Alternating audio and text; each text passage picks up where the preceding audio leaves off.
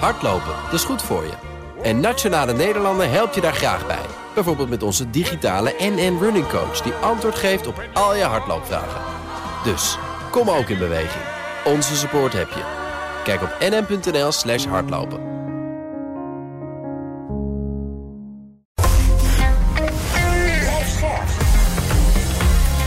BNR Nieuwsradio.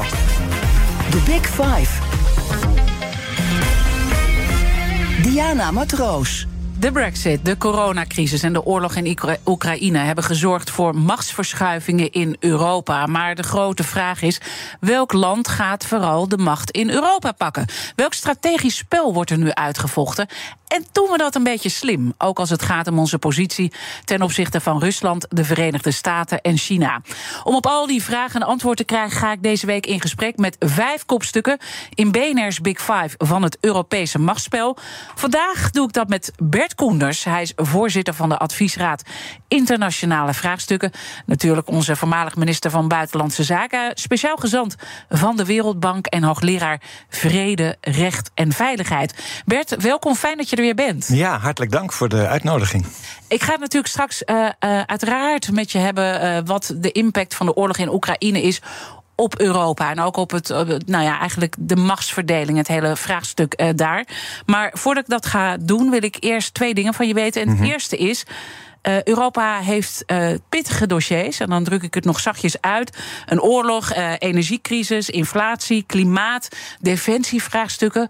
Kan Europa dat allemaal wel aan? Dat is niet zeker, maar uh, de afgelopen maanden hebben laten zien dat Europa op zich in staat is gebleken om uh, als antwoord op die verschrikkelijke oorlog in de Oekraïne een grotere mate van eenheid te bewaren dan iedereen verwacht had. Dus is ook een zekere uh, reden voor optimisme op het moment dat er een dreiging van buiten is zie je over het algemeen, dat hebben we gezien als het gaat om sancties, als het gaat om de energiepolitiek, als het gaat om elementen ook van wapenleveranties via een fonds van de Europese Unie. Dat in een spel tussen de Europese Raad, hè, dat zijn ja. dus de regeringsleiders, mm-hmm. en uh, de Europese Commissie, men steeds tot overeenstemming is gekomen. Nu is de grote vraag: blijft dat ook zo? Ja. Want die Oekraïne-oorlog die is niet voorbij. Integendeel, de verschrikkingen nemen eerlijk gezegd alleen maar toe. En dat betekent dus dat de spanningen op terrein van energie, inflatie, op het terrein van hoe je omgaat met uh, een land als Hongarije nu. Als het gaat om staatssteun, dat er zeer veel op het spel staat. Ik denk dat het niet onmogelijk is, uh, maar daar moet veel aan gebeuren, ook vanuit de Nederlandse regering. Ja. Daar is om het maar met een duur woord te, te noemen, anticipatievermogen voor nodig. Dat ja. is niet alleen de dagelijkse politiek. Ja, en Zijn... daar hebben jullie ook wel wat stukken uh, over geschreven. Ja. Dat er wel echt wel meer urgentie gevoeld mag worden. En dat echt, het ook ja. meer uitgedragen moet worden. Om ook de samenleving erin mee te krijgen. Want daar wordt uh, veel over gevraagd. Komen we vast nog wel op. Het tweede wat ik uh, van je wil weten. Je hebt natuurlijk enorm veel ervaring als het over buitenlandse politiek gaat. Vanuit je vorige functies, maar ook je huidige functies. Je reist de hele hele wereld uh, over. Je bent net terug uit. Uh... Uit, de, uit, uit New York en, en Afrika. Ja, precies. Ja, ja. Um, als je dan kijkt naar alles wat jij nu ziet en alles wat je al weet, welke vraag houdt jou nou het meeste bezig? Op dit moment? Nou, om het een beetje op zijn ouderwets Uiliaans te zeggen, of we de zaak een beetje bij elkaar weten te houden. Want het is natuurlijk inderdaad een machtsspel, niet alleen bezig in Europa, maar wereldwijd. Zowel op economisch terrein, wie wordt er leider technologisch van, van de wereld. Uh, voor het eerst uh, sinds jaren wordt er weer gesproken over dreiging met nucleaire wapens. Dus het gaat er toch echt om om een goede uh, balans te vinden tussen enerzijds conflict, dat is er. Maar ook samenwerking weer proberen te zorgen om bij elkaar te komen. En mijn zorgen waren wel groot toen ik in New York was. We weten dat de Verenigde Naties ja, eigenlijk steeds een kleinere rol speelt door die grote spanningen. Mm-hmm. En er zitten ook hele grote risico's aan. Van afkoppeling van continenten, van uh, meer nationalisme. Ik denk niet overigens, uh, want we hebben een grote neiging om nu alles ook alleen maar zwart te zien.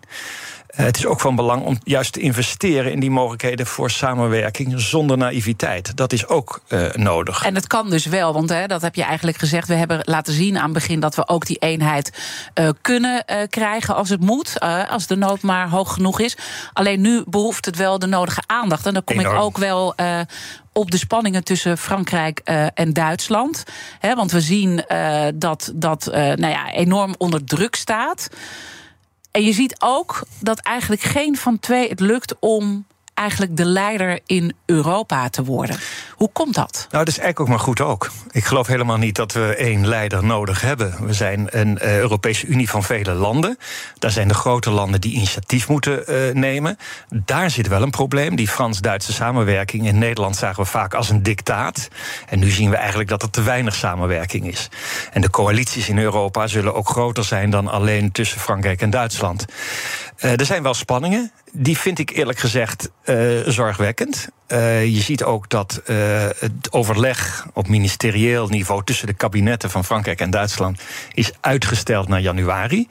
Maar ik probeer een beetje te begrijpen waar het vandaan komt en hoe je het zou, mede zou kunnen oplossen. Ja, ik denk dat het grootste probleem ligt ja. eigenlijk in Duitsland. Duitsland heeft moet het meeste veranderen vanwege die Oekraïne-oorlog. Ze heeft een energiepolitiek die, uh, waar mijn kernenergie, daar is men mee gestopt. Hè, die energiewende heette dat onder, onder Merkel. Ze waren zeer afhankelijk van Russisch gas. Ze zijn zeer afhankelijk van exportmarkten in China. Ze moeten enorm investeren in digitale infrastructuur. Ze hebben als de gesmeerde bliksem uh, LNG-overslagbedrijven uh, moeten inzetten. Je ziet dat dat binnenlands in, Euro, in, in Duitsland een enorme spanning geeft, ook binnen die coalitie. Dus Duitsland heeft eigenlijk als grootste en belangrijkste land eigenlijk het meest ingewikkelde uh, rol om nu te veranderen. Ik vind overigens dat ze dat wel doet. -hmm. Uh, onvoldoende nog. Uh, je zag maar misschien een beetje te veel voor zichzelf? Zeker. Ik bedoel, we uh, weten natuurlijk het bezoek naar China. ja, dat een beetje in je eentje doen als Scholz. Dat, dat, dat, dat riekt toch wel een beetje van. We gaan het allemaal voor onszelf regelen. Ja, en daar zit een groot probleem. omdat Duitsland natuurlijk ook toch het rijkste land nog is van Europa. Het is in staat om met zogenaamde countercyclical funds. Dat betekent dus gewoon dat je investeert om koopkracht, die industrie binnen Europa staande te houden in tijden van crisis. Heeft natuurlijk veel meer geld dan een land als Italië, overigens ook dan Frankrijk. En je ziet dus die economische en politieke spanningen die nemen onderling uh, toe. Ja. Uh, en, en in Frankrijk is ook bezig met zijn eigen verandering daarin. Elk land moet zich aanpassen aan die nieuwe, veranderde uh, situatie. En daardoor is het in Europa moeilijk. Hè. Laten we nog maar een heel ander land erbij houden. Want de verschuiving binnen Europa gaat vooral naar het oosten, naar Polen. Nou, Polen en Duitsland hebben historisch een moeizame relatie. Polen vindt dat Duitsland ook te weinig doet nog, of te langzaam in de richting eh, van, uh, van de Oekraïne. Maar zit daar niet ook een, een grote pijn voor Frankrijk? Dat die aandacht steeds meer naar het oosten gaat, ook als het gaat over de machtsverdeling? Ja, en ik denk dat uh, ook Frankrijk daar. Uh, kijk, Frankrijk heeft een aantal uh, belangrijke punten die voor Europa belangrijk zijn. Ik denk maar even aan hun strategische cultuur. Dat betekent eigenlijk dat ze op terrein van defensie en buitenlandse politiek eigenlijk volwassener zijn dan Duitsland. Dat een eigen begrijpelijke geschiedenis heeft. Maar ik denk dat ze dat met leden ogen aanzien. en de Franse president probeert dus ook een eigen rol te kiezen. Ook in de richting van Moskou en van onderhandelingen. En je ziet ze eigenlijk niet super actief als het gaat bijvoorbeeld op wapenleveranties in de richting van Oekraïne. Dus het negatieve beeld is, en, en dat, dat baart mij wel zorgen, dat daar waar de bevolkingen het meest kwetsbaar zijn nu en een groot incasseringsvermogen moeten hebben gezien inflatie, koopkracht, ongelijke verdeling tussen en binnenlanden, dat we dat bij elkaar moeten houden en dat daar leiderschap wel voor nodig is. En dat hoeft echt niet alleen Frankrijk en Duitsland te zijn. Het spel is veel groter. En Nederland zal daar ook, uh, ja, vind ik, zijn partij in moeten meeblazen. En dat is ook wat we in de adviesraad aan de Nederlandse regering uh, adviseren. Ja. The Big Five. Diana Matroos. Mijn gast is Bert Koenders, voorzitter van de Adviesraad Internationale Vraagstukken en voormalig minister van Buitenlandse Zaken. Uh, je zegt eigenlijk is het niet zo erg dat er niet uh, een, een, ja, één iemand is die echt de macht heeft, maar er moet wel toch een leider zijn, dus toch iemand een beetje die de macht pakt. Zou het ook gewoon Europa kunnen zijn die in dat machtsvacuum stapt? Een Van der Leyen. Uh, een, nou, oh, je bedoelt de Europese instelling? Ja. zeker. Nou, je ziet natuurlijk dat doordat er, als je zo je wilt, een machts- of leiderschapsvacuum is en het ingewikkelder is geworden, dat natuurlijk de uh, voorzitter van de Europese Commissie een, een, een, bijna een glansrol aan het spelen is. Die loopt voor de troepen uit.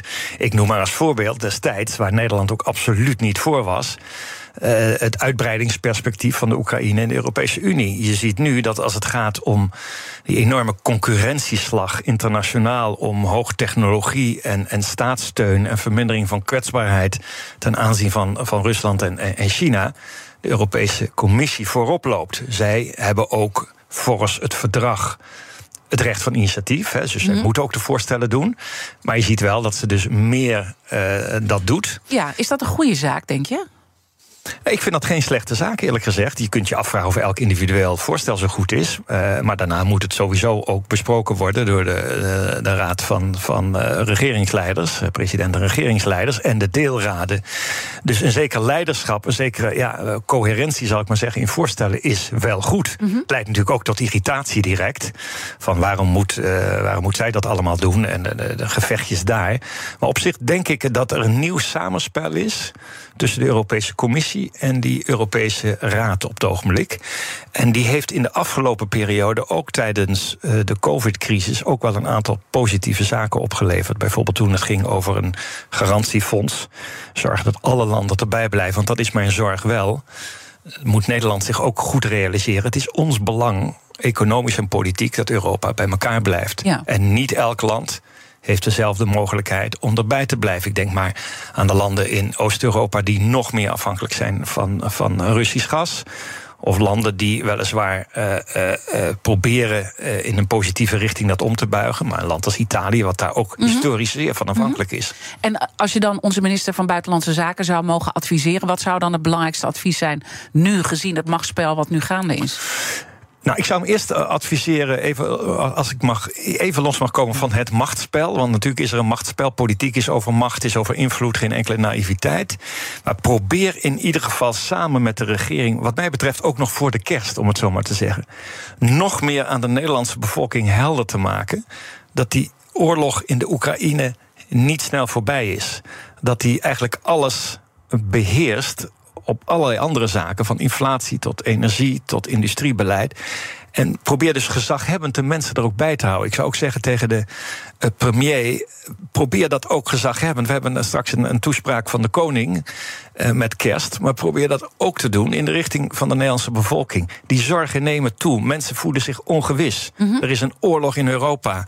Het heeft allerlei consequenties. Het is niet altijd inzichtelijk wat er precies uh, gebeurt. En, en misschien de steun uh, appt misschien ook wel weg. En uh, toch moet daar heel veel van de Nederlandse bevolking ook gevraagd worden. Ook in de komende jaren. Ja. Schrijven jullie ook in briefadvies? Ja, en ik denk dat dat, he, dat gaat van asiel tot energie, tot koopkracht, tot eerlijke verdeling gekoppeld aan allerlei uh, moeilijkheden die we in Nederland sowieso hebben als het gaat om, om woningbouw en dergelijke. Dat is een, een conglomeraat. Mensen moeten daar ook hoop uitzien dat er een richting wordt bepaald. Ik denk dat dat belangrijk is.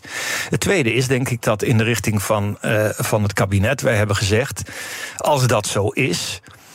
Uh, probeer een aantal dingen ietsje vooruit te kijken. We zien nu bijvoorbeeld de grote uitdagingen die er zijn in de Balkan. Wat is nou het belangrijkste daar? Dat is dat die landen betrokken blijven bij Europa. Ook die eenheid uitstralen in de richting van Rusland en de Oekraïne. Dat betekent dus dat je ook veel meer na moet denken hoe die landen bij Europa getrokken kunnen worden. Wij zijn terecht de critici als het gaat over rechtsstaat. Maar je zult wel afwegingen moeten maken. En dat vond ik interessant in de speech van uh, bondskanselier uh, Scholz uh, gisteren ja. in, in, in Foreign Affairs. Waar hij toch probeert ook een. want hij moet natuurlijk een beetje zat hij in defensief, ook een Duitse visie te creëren op Europa en de wereld. Daar nemen zij wel een paar verantwoordelijkheden ook. Het zogenaamde Berlijn-proces, waarin ze zegt: we horen die Balkan erbij te houden. Ik ben niet zo lang geleden in, in, in, in Bosnië en in die regio geweest. Je kunt je nauwelijks voorstellen wat een trauma daar heerst met betrekking tot het risico van een terugkeer van oorlog. Misschien niet altijd uh, helemaal mhm, terecht, mm -hmm. maar wel een grote zorg. Je ziet daar ook de Russische invloed uh, toenemen. Dus laten we daar niet naïef over zijn. Op dat soort punten ja. moeten we veel eerder anticiperen. En we zeggen ook als adviesraad internationale vraagstukken Er wordt al heel lang gesproken over een nationale veiligheidsraad, waar je die dingen geïntegreerd kunt bekijken, sturen, initiëren en ook gewoon praktisch invullen. Uh, en ja, ik vind nog steeds dat dat onvoldoende van de grond gekomen is. Ja, wat is dat, dat dat onvoldoende van de grond komt? Nou ja, eigenlijk dat je zegt, als je nationale veiligheidsraad hebt... dat is natuurlijk niet een oplossing ineens voor alles. Maar ik herinner me dat in mijn eigen tijd als minister. Je moet niet een soort onderraad van de ministerraad hebben waar al die onderwerpen een beetje besproken worden. Er zit natuurlijk ook nu een strategisch geopolitiek, zo je wilt, geo-economisch verhaal achter. En kijk dan wat de prioriteiten voor Nederland uh, zijn. En probeer dat integraal af te wegen. Niet omdat alles een risico is, er zijn ook kansen. Maar breng dat met elkaar in overeenstemming. Een ander voorbeeld dat we ook in de adviesraad noemen, is bijvoorbeeld die hele zaak van infrastructuur in Nederland en de bescherming daarvan. Daar wordt wel wat aan gedaan. Maar het is allemaal het net. Uh, het mag allemaal net een Het is net of het een deel is van. Uh, nou ja, we hebben wel even tijd, het is ingewikkeld en we zijn. Uh, maar is het niet ook dat we dit gewoon allemaal niet meer aankunnen? We zijn toch maar een klein land. We hebben zoveel op ons bordje liggen. Misschien is het gewoon ook te veel. Nee hoor, dat denk ik niet. Nee, nee ik ben daar ietsje optimistisch over, hoewel ik op geen enkele manier naïef ben. Ik heb zelf in een regering gezeten. Ik weet hoe complex het is. We zitten nu in een tijd wat, wat, wat wel met een mooi woord polycrisis wordt genoemd. Er zijn allerlei verschillende dingen die in elkaar haken. woningbouw, milieu en migratie zijn met elkaar verweven dat vereist juist dat je nu de kans grijpt om van die crisis ook een andere manier van bestuur en communicatie eh, te formuleren. En we zijn misschien te veel met de details bezig, kleine, kleine ruzietjes onderling. Ja, was het maar zo. Dat, dat, ik, ik, ik, zou het best willen zeggen. Uh, maar ik herinner, me, ik herinner me goed van de, toen we het voorzitterschap hadden van de Europese Unie. Toen, eh, dat was in 2016. Ik wil niet in het verleden alleen zitten, maar daar had je ook daar kwamen een aantal dingen bij elkaar. Je had de, de, de, de crisis met Griekenland. Je had de, uh, toen al de, de MH17 en de Krim. Uh, er waren enorme problemen die te maken hadden met de Syrië-oorlog. Een andere situatie, maar ook daar zag je, je moet een combinatie hebben van ja, met een aantal landen in Europa proberen wat leiderschap, wat coalities te sluiten, maar ook de details doen ertoe. Het operationaliseren is juist vaak het probleem dat in Brussel wordt gezegd: Nou, we gaan groot dit en dat doen. Maar destijds moesten wij gewoon bellen of er voldoende tolken waren in Griekenland om immigranten uh, uh, te interviewen. Dat is ook de realiteit van Europa. En daar zie ik wel dat ook de Europese Commissie, ondanks alle kritiek op die organisatie, ook wel versterkt is en beter operationeel functioneert. Maar het kan beter. Uh, intussen zijn er heel veel vraagstukken ook waar jullie over uh, adviseren. Afrika is daarbij ook een, een, belangrijk punt. Je bent er ook uh, net geweest. Hoe belangrijk zijn zij als het gaat over het machtsvraagstuk geopolitiek gezien? Ja, cruciaal. We hebben dus inderdaad een advies over, over Afrika in deze geopolitieke context. Kijk, Afrika wordt meestal gezien als een restcontinent waar problemen zitten waar we goede dingen moeten doen. Wat ik overigens heel belangrijk vond, dat er geen enkel misverstand uh, over uh, bestaan. Als minister, voormalig minister voor ontwikkelingssamenwerking, niet alleen een hart, ja. maar kunnen we ook modern met hun samenwerken, volgens mij. In, in, in, dus in veel evenwaardige partners. Als, als, het is een strategische prioriteit. maar niet als echt een belangrijke partner. Het is een strategische prioriteit. En de Afrikaanse landen.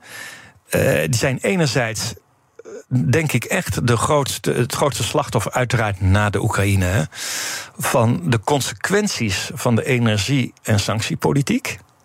En zij hebben een prijs betaald die we al zagen bij COVID. Ze hebben niet de patenten gekregen op tijd de, de medicijnen. Ze hebben nu te maken met een enorm hoge rentevoet, waar zij verder eigenlijk niet zoveel aan kunnen doen. 60% van de landen zit in schuldencrisis. Uh, er is nu een echt groot probleem ook met voedselzekerheid. Dat zijn allemaal de gegevens en de cijfers, maar ik heb dat ter plekke gewoon gezien. Mensen kunnen niet meer rondkomen en dat is veel ernstiger dan bij ons. En wat dus doet die dat kant de, zit eraan. Wat doet dat met de beeldvorming naar ons, het westen toe, vanuit Afrika?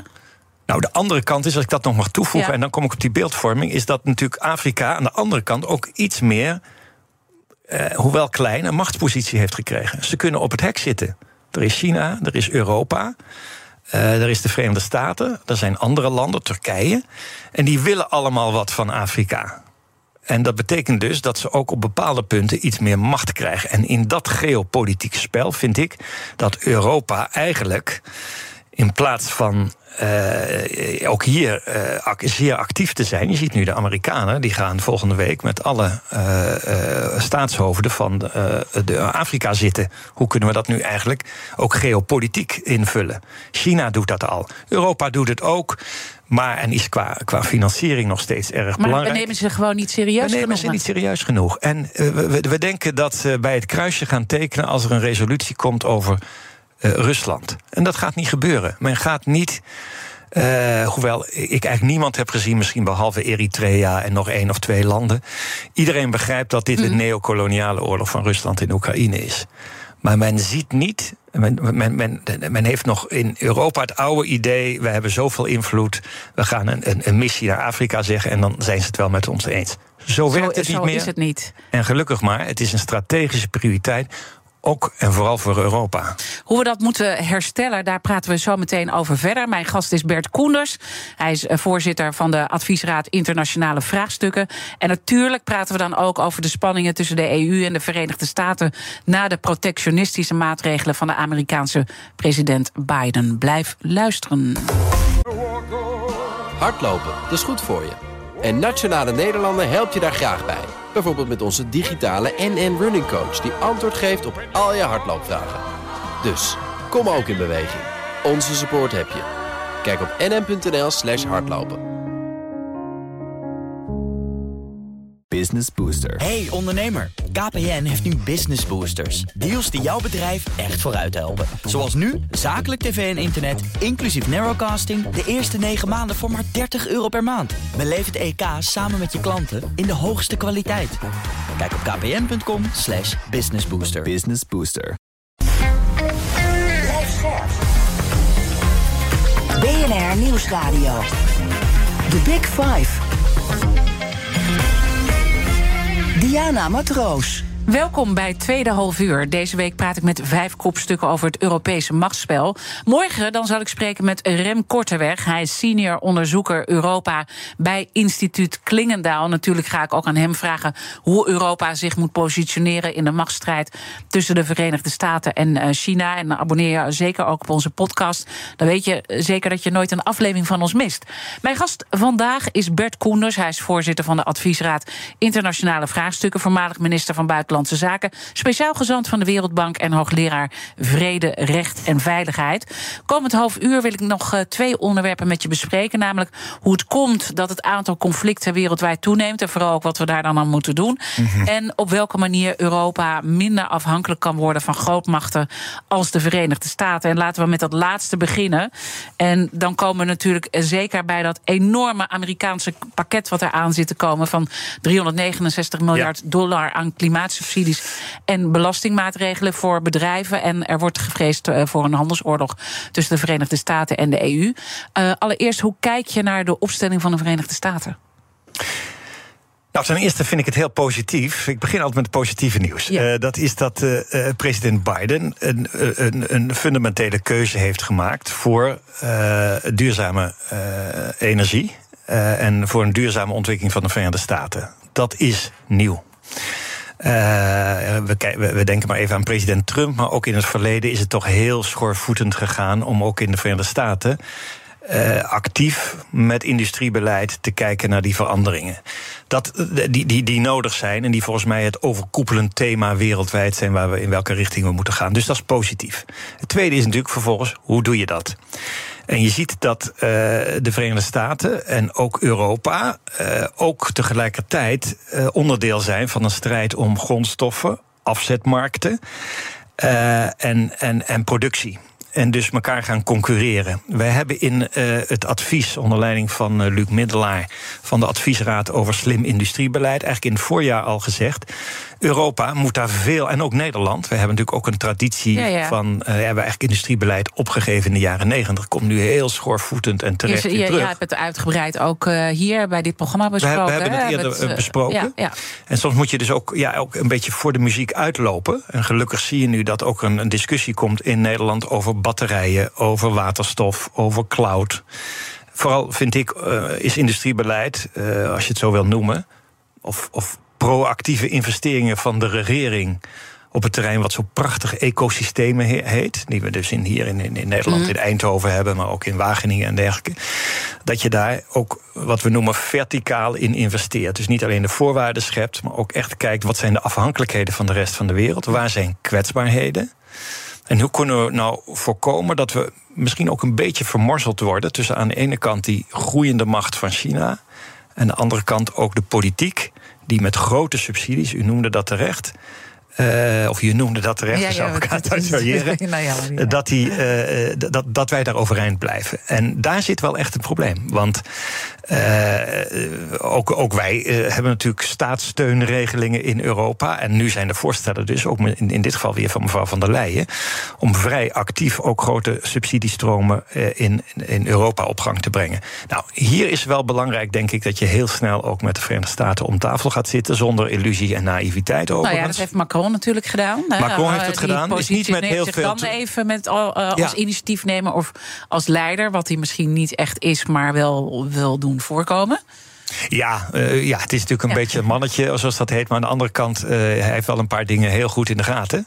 En Frankrijk heeft natuurlijk een, ook een eigen traditie op het terrein van industriebeleid. En eindelijk zien ze dat het nou Europees ook gaat gebeuren. Nederland was eerder de tegenhanger daarvan. En Macron en Rutte hebben elkaar nu een beetje gevonden op sommige van die elementen. Maar het gaat natuurlijk, de devil is in de details. Ja, uh, ik maak me natuurlijk wel zorgen over. Want je ziet dat natuurlijk de Verenigde Staten aan de ene kant uh, veel goedkopere energie heeft dan wij. Dus daar zit een concurrentievoordeel in. Tegelijkertijd hebben ze hele scherpe wetgeving als het gaat om de afhankelijkheid van China te verminderen. Ik vind dat terecht, maar dan moet je ook altijd even kijken wat is om de kwetsbaarheid te verminderen. De militaire overmacht, uh, mogelijkerwijs in de toekomst van, van China. En wat is gewoon concurrentiestrijd. Uh, ik denk dat, het, uh, dat, dat we wel een beetje voor voldongen feiten zijn gesteld, omdat die wet in de Verenigde Staten voor 1 januari in feite moeilijk meer te veranderen is. Ja, want hij gaat er naar, hè, na het bezoek van Macron gaat Biden er nog naar kijken, maar iedereen zegt, joh. Ja, naar kijken uh, betekent uh, meestal. we gaan door. We, gaan, we, gaan, we gaan gewoon door. Ja, ja. Dat betekent dus dat vervolgens in Europa en ook voor Nederland de vragen aan de orde komen. Wat betekent dat voor ons? Dan heb je eigenlijk twee mogelijkheden. Je kunt het, het staat ook in ons advies. Je kunt de staatssteunregels in de Europese Unie versoepelen. Dat betekent dus dat grote landen in Europa, zoals Frankrijk en Duitsland, makkelijker, want die hebben veel meer geld en mogelijkheden, vooral Duitsland, hun uh, industrie kunnen steunen. En de vraag is een beetje hoe Nederland daarin staat. Hebben wij nou voldoende cloud of vinden we juist dat dat, wat Van der Leyen nu eigenlijk uh, voorgesteld heeft, dat je Europees ook uh, ja, op belangrijke e-, ecosystemen, we hebben het al met de Chips Act, we zouden dat kunnen doen met, met het gebeurt overigens gedeeltelijk al ook waterstof. Nou, die strijd is nu gaande. Mm -hmm. En ik denk dat Nederland zich daar vrij snel in moet positioneren. Ik zag vanmorgen dat minister Kaag in ieder geval gezegd heeft, ja, we gaan daar geen Europese schulden voor aan. Uh, we moeten dat ook niet alleen maar Europees doen, maar ook uh, nationaal in een goede combinatie. Ja, daar heeft de Nederlandse regering nu, uh, en nogmaals, begin daar vroeg mee. We zijn al een beetje aan de late kant. Nou ja, want, ik, want ik zou je willen vragen: hoe naïef zijn we hierin geweest en zijn we wellicht nog steeds? Nou, ik vind, kijk, uh, je ziet nu, dat zeg ik misschien ook als sociaaldemocraat, uh, als dat nog mag, dus, dus niet namens de adviesraad, want zijn we echt onafhankelijk en onpartijdig. En dat, dat, dat probeer ik ook echt elk moment te mm. zijn. Maar als je nou kijkt naar de rol van de overheid, die is veranderd sinds de financieel-economische crisis van 2008. Dat heb je gezien met COVID, was het nodig. En dat heb je nu gezien met de grote omslag in de, in, in zaak van, van duurzaamheid. Daar moet je een nieuw evenwicht tussen markt en staat en, en, en, en, en, die verschillende ecosystemen vinden. Daar moeten we veel proactiever in zijn. Dus wat mij betreft uh, moet die schoorvoetende houding van Nederland weg. En je ziet dat nu een beetje met de eerste discussiepunten van de, ook de minister van Economische Zaken en anders. Maar denk dat nu even ook strategisch mm -hmm. door. Ja, en het, het gaat misschien allemaal nog een tandje te langzaam dan. Ik vind van wel, eerlijk ja. gezegd, ja. Want je moet. Kijk, dit gaat razendsnel. Op een gegeven moment komt er een versnelling in de geschiedenis, dat zie je nu. Dat is getriggerd door de, door, door de opkomst verder van China en, en ook de Oekraïne-oorlog. We willen kwetsbaarheden verminderen. Maar ook daar zeg ik, let op uw zaak. Um, eh, niet alleen om vooral ook Nederland en Europa te zien, ook de solidariteit tussen Europese landen is essentieel. Niet alle landen kunnen dat opbrengen. Voor je het weet krijg je het meer uiteenvallen van Europa in plaats van het samenbrengen op duurzame economische ontwikkeling. Nou zijn wij natuurlijk altijd voor die open markt. En daarom vinden wij het ontzettend moeilijk om deze draai ook uh, te maken. Uh, hoe ver moeten we er nou in gaan? En, en nou ja, laat ik het zo zeggen. Hoe doen we het dan slim, industriepolitiek, zonder door te schieten en ja, overal maar uh, met geld te gaan strooien? Ik vind het een ongelooflijk essentiële zaak. Want waar, waar, ik dus heel erg voor ben om dit te ontwikkelen, zie je natuurlijk ook weer dat ineens overal miljarden uh, in industrie. En in, in, dus je moet heel goed kijken waar zitten nou eigenlijk onze kwetsbaarheden. Wat betekent dat ook voor het internationale multilaterale handelssysteem? Ik kan mij voorstellen, zonder enige naïviteit, dat er ook nog mogelijkheden zijn in een.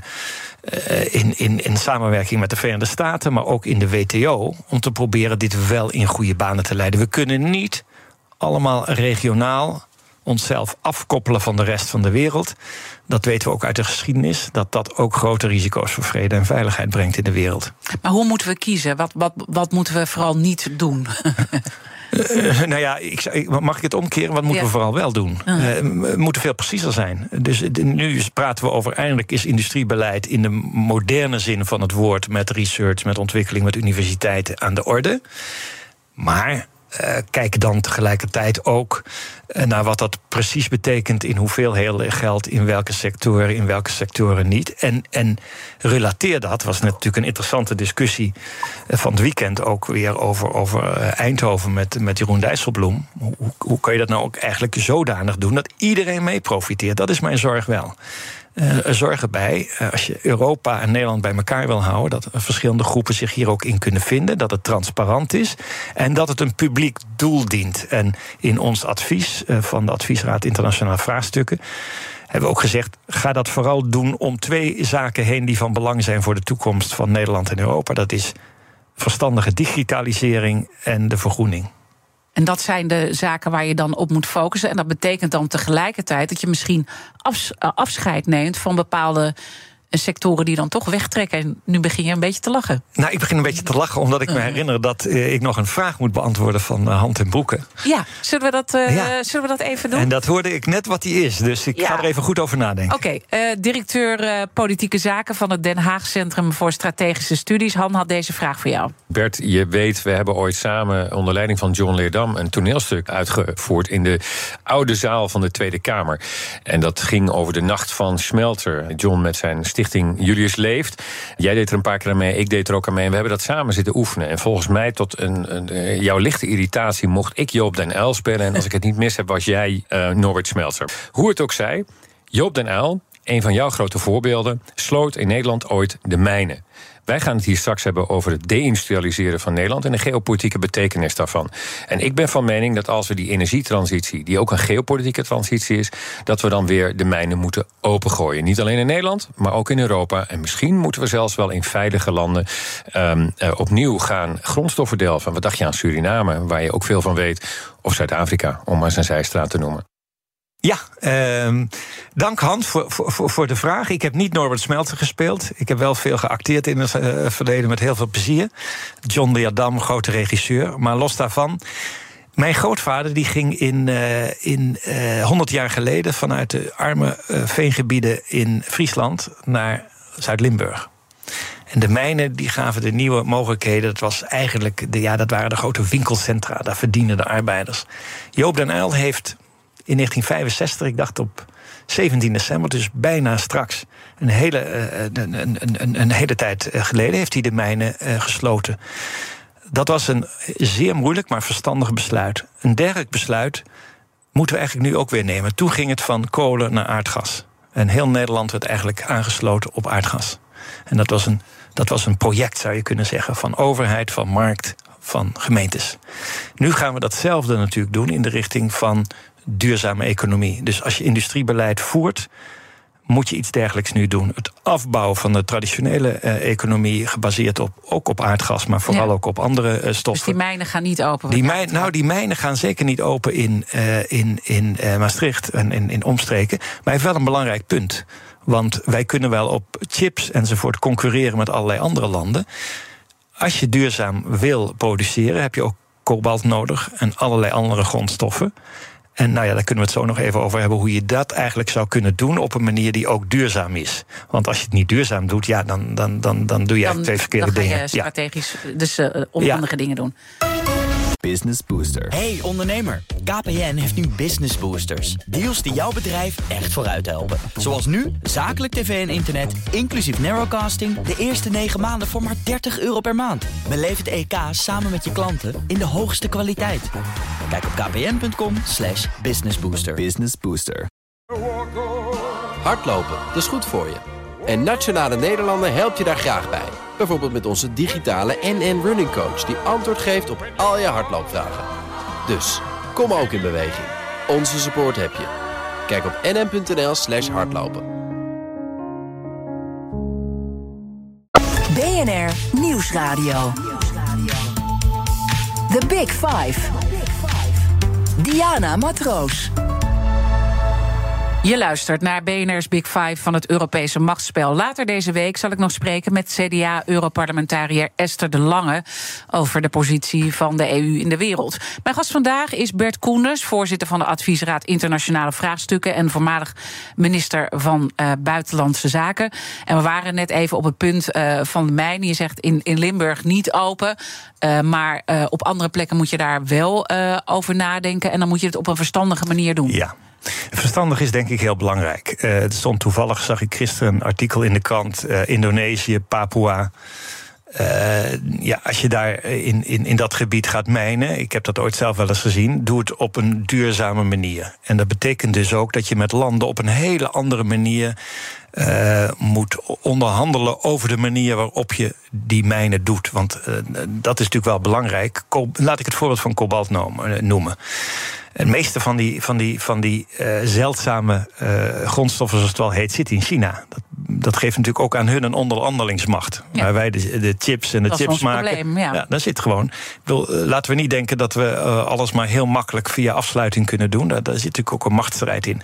Maar laat ik terugkomen op kobalt. Kobalt is belangrijk, zoals we weten, voor onze telefoons. Ik was uh, anderhalve week geleden in Centraal-Afrika. Daar zie je, in een land als Burundi, waar ik was, klein landje, zeer arm, een van de armste landen ter wereld, is een van de grootste exporteurs van kobalt. Hoe kan dat? Ze hebben het nauwelijks. Het wordt allemaal gesmokkeld, met, uh, ook met, met milities. Uh, en met een corrupte economie uit de Oost-Congo. Je ziet daar dus een heel uh, gebied van instabiliteit, van milities, van regionalisering, waar verschillende buurlanden ook gebruik en misbruik maken van die kobalt. Er zitten Chinese mijnen. Mm -hmm. Je zult je wel met dit soort dingen bezig moeten houden. Wij zijn nu, uh, we denken toch een beetje dat je dit soort dingen thuis kan oplossen. Betekent dat we die interesse, we hadden het straks over Afrika als ja, strategisch precies. gebied juist wel serieus moet nemen. En dat betekent ook dat je je nek moet durven uitsteken. Ik denk dat het onmogelijk is. Uh, om de manier waarop dat nu in Oost-Congo uh, gebeurt makkelijk op te lossen. Maar het is wel 69 of 68 of 69 procent van de kobalt. Dus je zult ook met die regio opnieuw. Toch zaken moeten ja, doen. natuurlijk. En maar op een manier waardoor je misschien ook de Chinezen kunt uh, ontmoedigen. Je moet zelf misschien ook nadenken hoe de schuldenproblematiek daar opgelost kan worden. Is er een andere manier om te onderhandelen? Maar als ik jou goed heb beluisterd, dan hebben we wel een wereld te winnen als het gaat de beeldvorming eh, van Afrika naar ons als eh, continent. Ja, dat is al een hele tijd zo. Ik heb mij altijd. Ik weet nog wel dat ik op een gegeven moment ook werd gezien een tijdje als minister voor Afrika. Alsof dat iets was wat niet eh, een strategisch belang is. Nee. Het ligt Alle vlakbij. beetje zielige mensen die we moesten helpen. Dat was ja, een en ik de- heb overigens daar niks tegen. Ik vind ontwikkelingssamenwerking en armoedebestrijding essentieel. Zowel voor onze eigen stabiliteit als vanwege een moraliteit. En dat, dat kan ook heel goed samen op een moderne manier. Uh, maar we zullen echt naar veel duurzamere partnerschappen moeten met Afrika. Anders wordt dat echt helemaal niks. Ik zei net al, Afrika is de grootste slachtoffer, maar tegelijkertijd heeft ook nieuwe macht. Er zit ook een enorme energie in dat continent. We hebben de kennis gedeeltelijk verloren uh, over wat daar gebeurt. Ja. Het heeft de grootste uh, bevolkingsgroei van, van, van de hele wereld. We worden straks 2 miljard Nou mensen. ja, en ze zijn ook de koloniale geschiedenis natuurlijk niet vergeten. Natuurlijk niet. En, en, en dat betekent dus ook dat bijvoorbeeld als het gaat over, de, uh, over, over iets wat ik heel belangrijk vind, misschien kan ik dat nog uh, onderstrepen. Kijk, een wereld die een beetje uit elkaar valt in concurrerende politieke en economische blokken. heeft ook enorme risico's. Iedereen begrijpt dat. En je merkt ook tegelijkertijd in Afrika dat er een dubbel gevoel is. Aan de ene kant is iedereen het eens, die Oekraïne-oorlog, dat kan niet. De Russen zijn ook voor ons geen model. China is voor hun eerlijk gezegd ook geen model. Europa en het Westen heeft hun ook niet opgeleverd wat ze willen. Ze kijken dus meer naar zichzelf. Zelfbewuster. Dat is goed. Maar tegelijkertijd is het natuurlijk zo dat uh, je dan vervolgens ook op een strategische manier eerlijker partnerschappen met Afrika moet ontwikkelen. Waarbij je wel moet realiseren dat er een ongelijke uh, uitgangssituatie is. En wij hebben bijvoorbeeld in het Afrika-advies, onder leiding van Koos Richel van de adviesraad, hebben wij ook voorgesteld om de verkorting van waardeketens, waar we nu over praten, post-COVID. Mm -hmm. We kunnen. Werk er nou samen mee in Afrika. Die lijnen zijn korter landbouwontwikkeling kan daar uh, ook gedeeltelijk het probleem hier oplossen. Er zijn allerlei mogelijkheden om veel strategischer daarmee om te gaan. Maar dat betekent dan wel dat je ontwikkelingssamenwerking serieus weer moet nemen. Ja. Dat gaat over belangrijke dat gaat hand thema's. in hand, hè, eigenlijk. Ja. En het wordt deze week uh, besproken. Dus benieuwd uh, nou ja, hoe de Tweede Kamer daarover gaat spreken. de tijd begint te haasten. drie minuten hebben we nog te gaan. En ik heb beloofd, en deels zit dat ook al in je verhaal. Kijk, we zien natuurlijk gewoon toename van conflicten in de wereld. En dat zie je ook vanuit jouw functie in de International Crisis Group. Uh, ook vanuit de Wereldbank signaleer je toenemende armoede en instabiliteit. Hoe, zijn we, en ik bedoel, dit weten we allemaal, dit zien we ook, maar hoe zijn we tot dat punt gekomen dat er zoveel conflicten aan het toenemen zijn? Wat, wat zegt dat over wat er gaande is in de wereld waarin we nu uh, leven? Wauw, in drie minuten. Dat is ja. ingewikkeld. Maar, maar, maar misschien, uh, misschien het, het belang uh, van dat we dit een tijdje vergeten zijn. Uh, ja. En het, dit is natuurlijk niet nieuw. De Oekraïne-oorlog is nieuw in de zin dat het een nucleaire component heeft en een interstatelijke. En dat het in Europa terug is. Verschrikkelijk. Ik, ik maak, als je kijkt naar die oorlog, dat is een van de meest verschrikkelijke die we in de afgelopen decades hebben gezien, of decennia. Maar we hebben ook al Syrië gehad, uh, uh, waar verschrikkelijk veel mensen zijn omgekomen, ook door Russische bombardementen. Uh, waar je eigenlijk naar moet kijken is dat een andere manier waarop je met die conflicten omgaat. Daar zijn wij nu mee bezig. Dat kan ik niet in drie minuten uitleggen. Is ook geen makkelijke recipe of recept mm. voor. Maar je ziet dat we nu naar, naar ongeveer 25 conflicten zijn die wat ze noemen geïnternationaliseerde lokale conflicten zijn. Alles, in alles spelen de buurlanden een rol. Die, die financieren milities, die kunnen tot de laatste burger, bij wijze van spreken, de zaak uitvechten. En een van de hele belangrijke punten daarvan is de criminele economie. En ik vind dat daar veel meer aandacht moet, uh, aan moet besteed worden aan corruptie, aan de manier waarop de financieel-economische stromingen uh, lopen, hoe die dit financieren. Daar is veel meer aan te doen het is veel ingewikkelder dan dat. Mm -hmm. Dat is een van de elementen die ik uh, echt belangrijk vind als je daar naar kijkt. Ja, mooi, mooi uh, topic. Ik hoop dat we daar dan in ieder geval een keertje over kunnen verder praten. Hè? Want uh, we zijn nu op dit punt aanbeland. Ja. En inderdaad, je hebt helemaal gelijk. Dit kan ook niet in drie minuten. Dus ik hoop dat je een keertje terugkomt. We moeten wel nog één belangrijke taak verrichten. En dat is namelijk de kettingvraag die doorgaat. Je mag een korte bondige vraag stellen aan mijn volgende gast. Dat is Rem Korteweg, senior onderzoeker Europa bij instituut Klingendaal. Wat zou je aan hem willen vragen? Ja, Rem, je hebt uh, prachtig uh, onderzoek gedaan bij Klingendaal over handel, over interne markt, over de politieke rol uh, van Europa in de internationale economische betrekkingen. Hoe moeten we daar nu mee omgaan met de Verenigde Staten? Die willen overleg over klimaat, energie uh, en, en, handel. We zijn veiligheidspolitiek van hen uh, afhankelijk. Uh, er zijn ook concurrentie als het gaat om de, de, de, de, ja, eigenlijk het punt dat we tussen China en de Verenigde Staten inzitten. Hoe moet Nederland daarmee omgaan en welke positie moet ze innemen? Misschien kun jij daar je licht over laten schijnen. Ik ga het hem zeker morgen vragen. Dank voor deze vraag. En dank voor je komst weer naar de Big Five. Bert Koenders, voorzitter van de Adviesraad Internationale Vraagstukken. Veel dank. Natuurlijk is alles van BNR's Big Five terug te luisteren. Abonneer je op onze podcast via onze app of je favoriete podcastkanaal. Maar heel belangrijk, blijf natuurlijk de hele dag live hier op BNR. Zometeen iemand Verrips met BNR breekt. Ik wens je een mooie dag. Hardlopen, dat is goed voor je. En Nationale Nederlanden helpt je daar graag bij. Bijvoorbeeld met onze digitale NN Running Coach... die antwoord geeft op al je hardloopvragen. Dus, kom ook in beweging. Onze support heb je. Kijk op nn.nl slash hardlopen.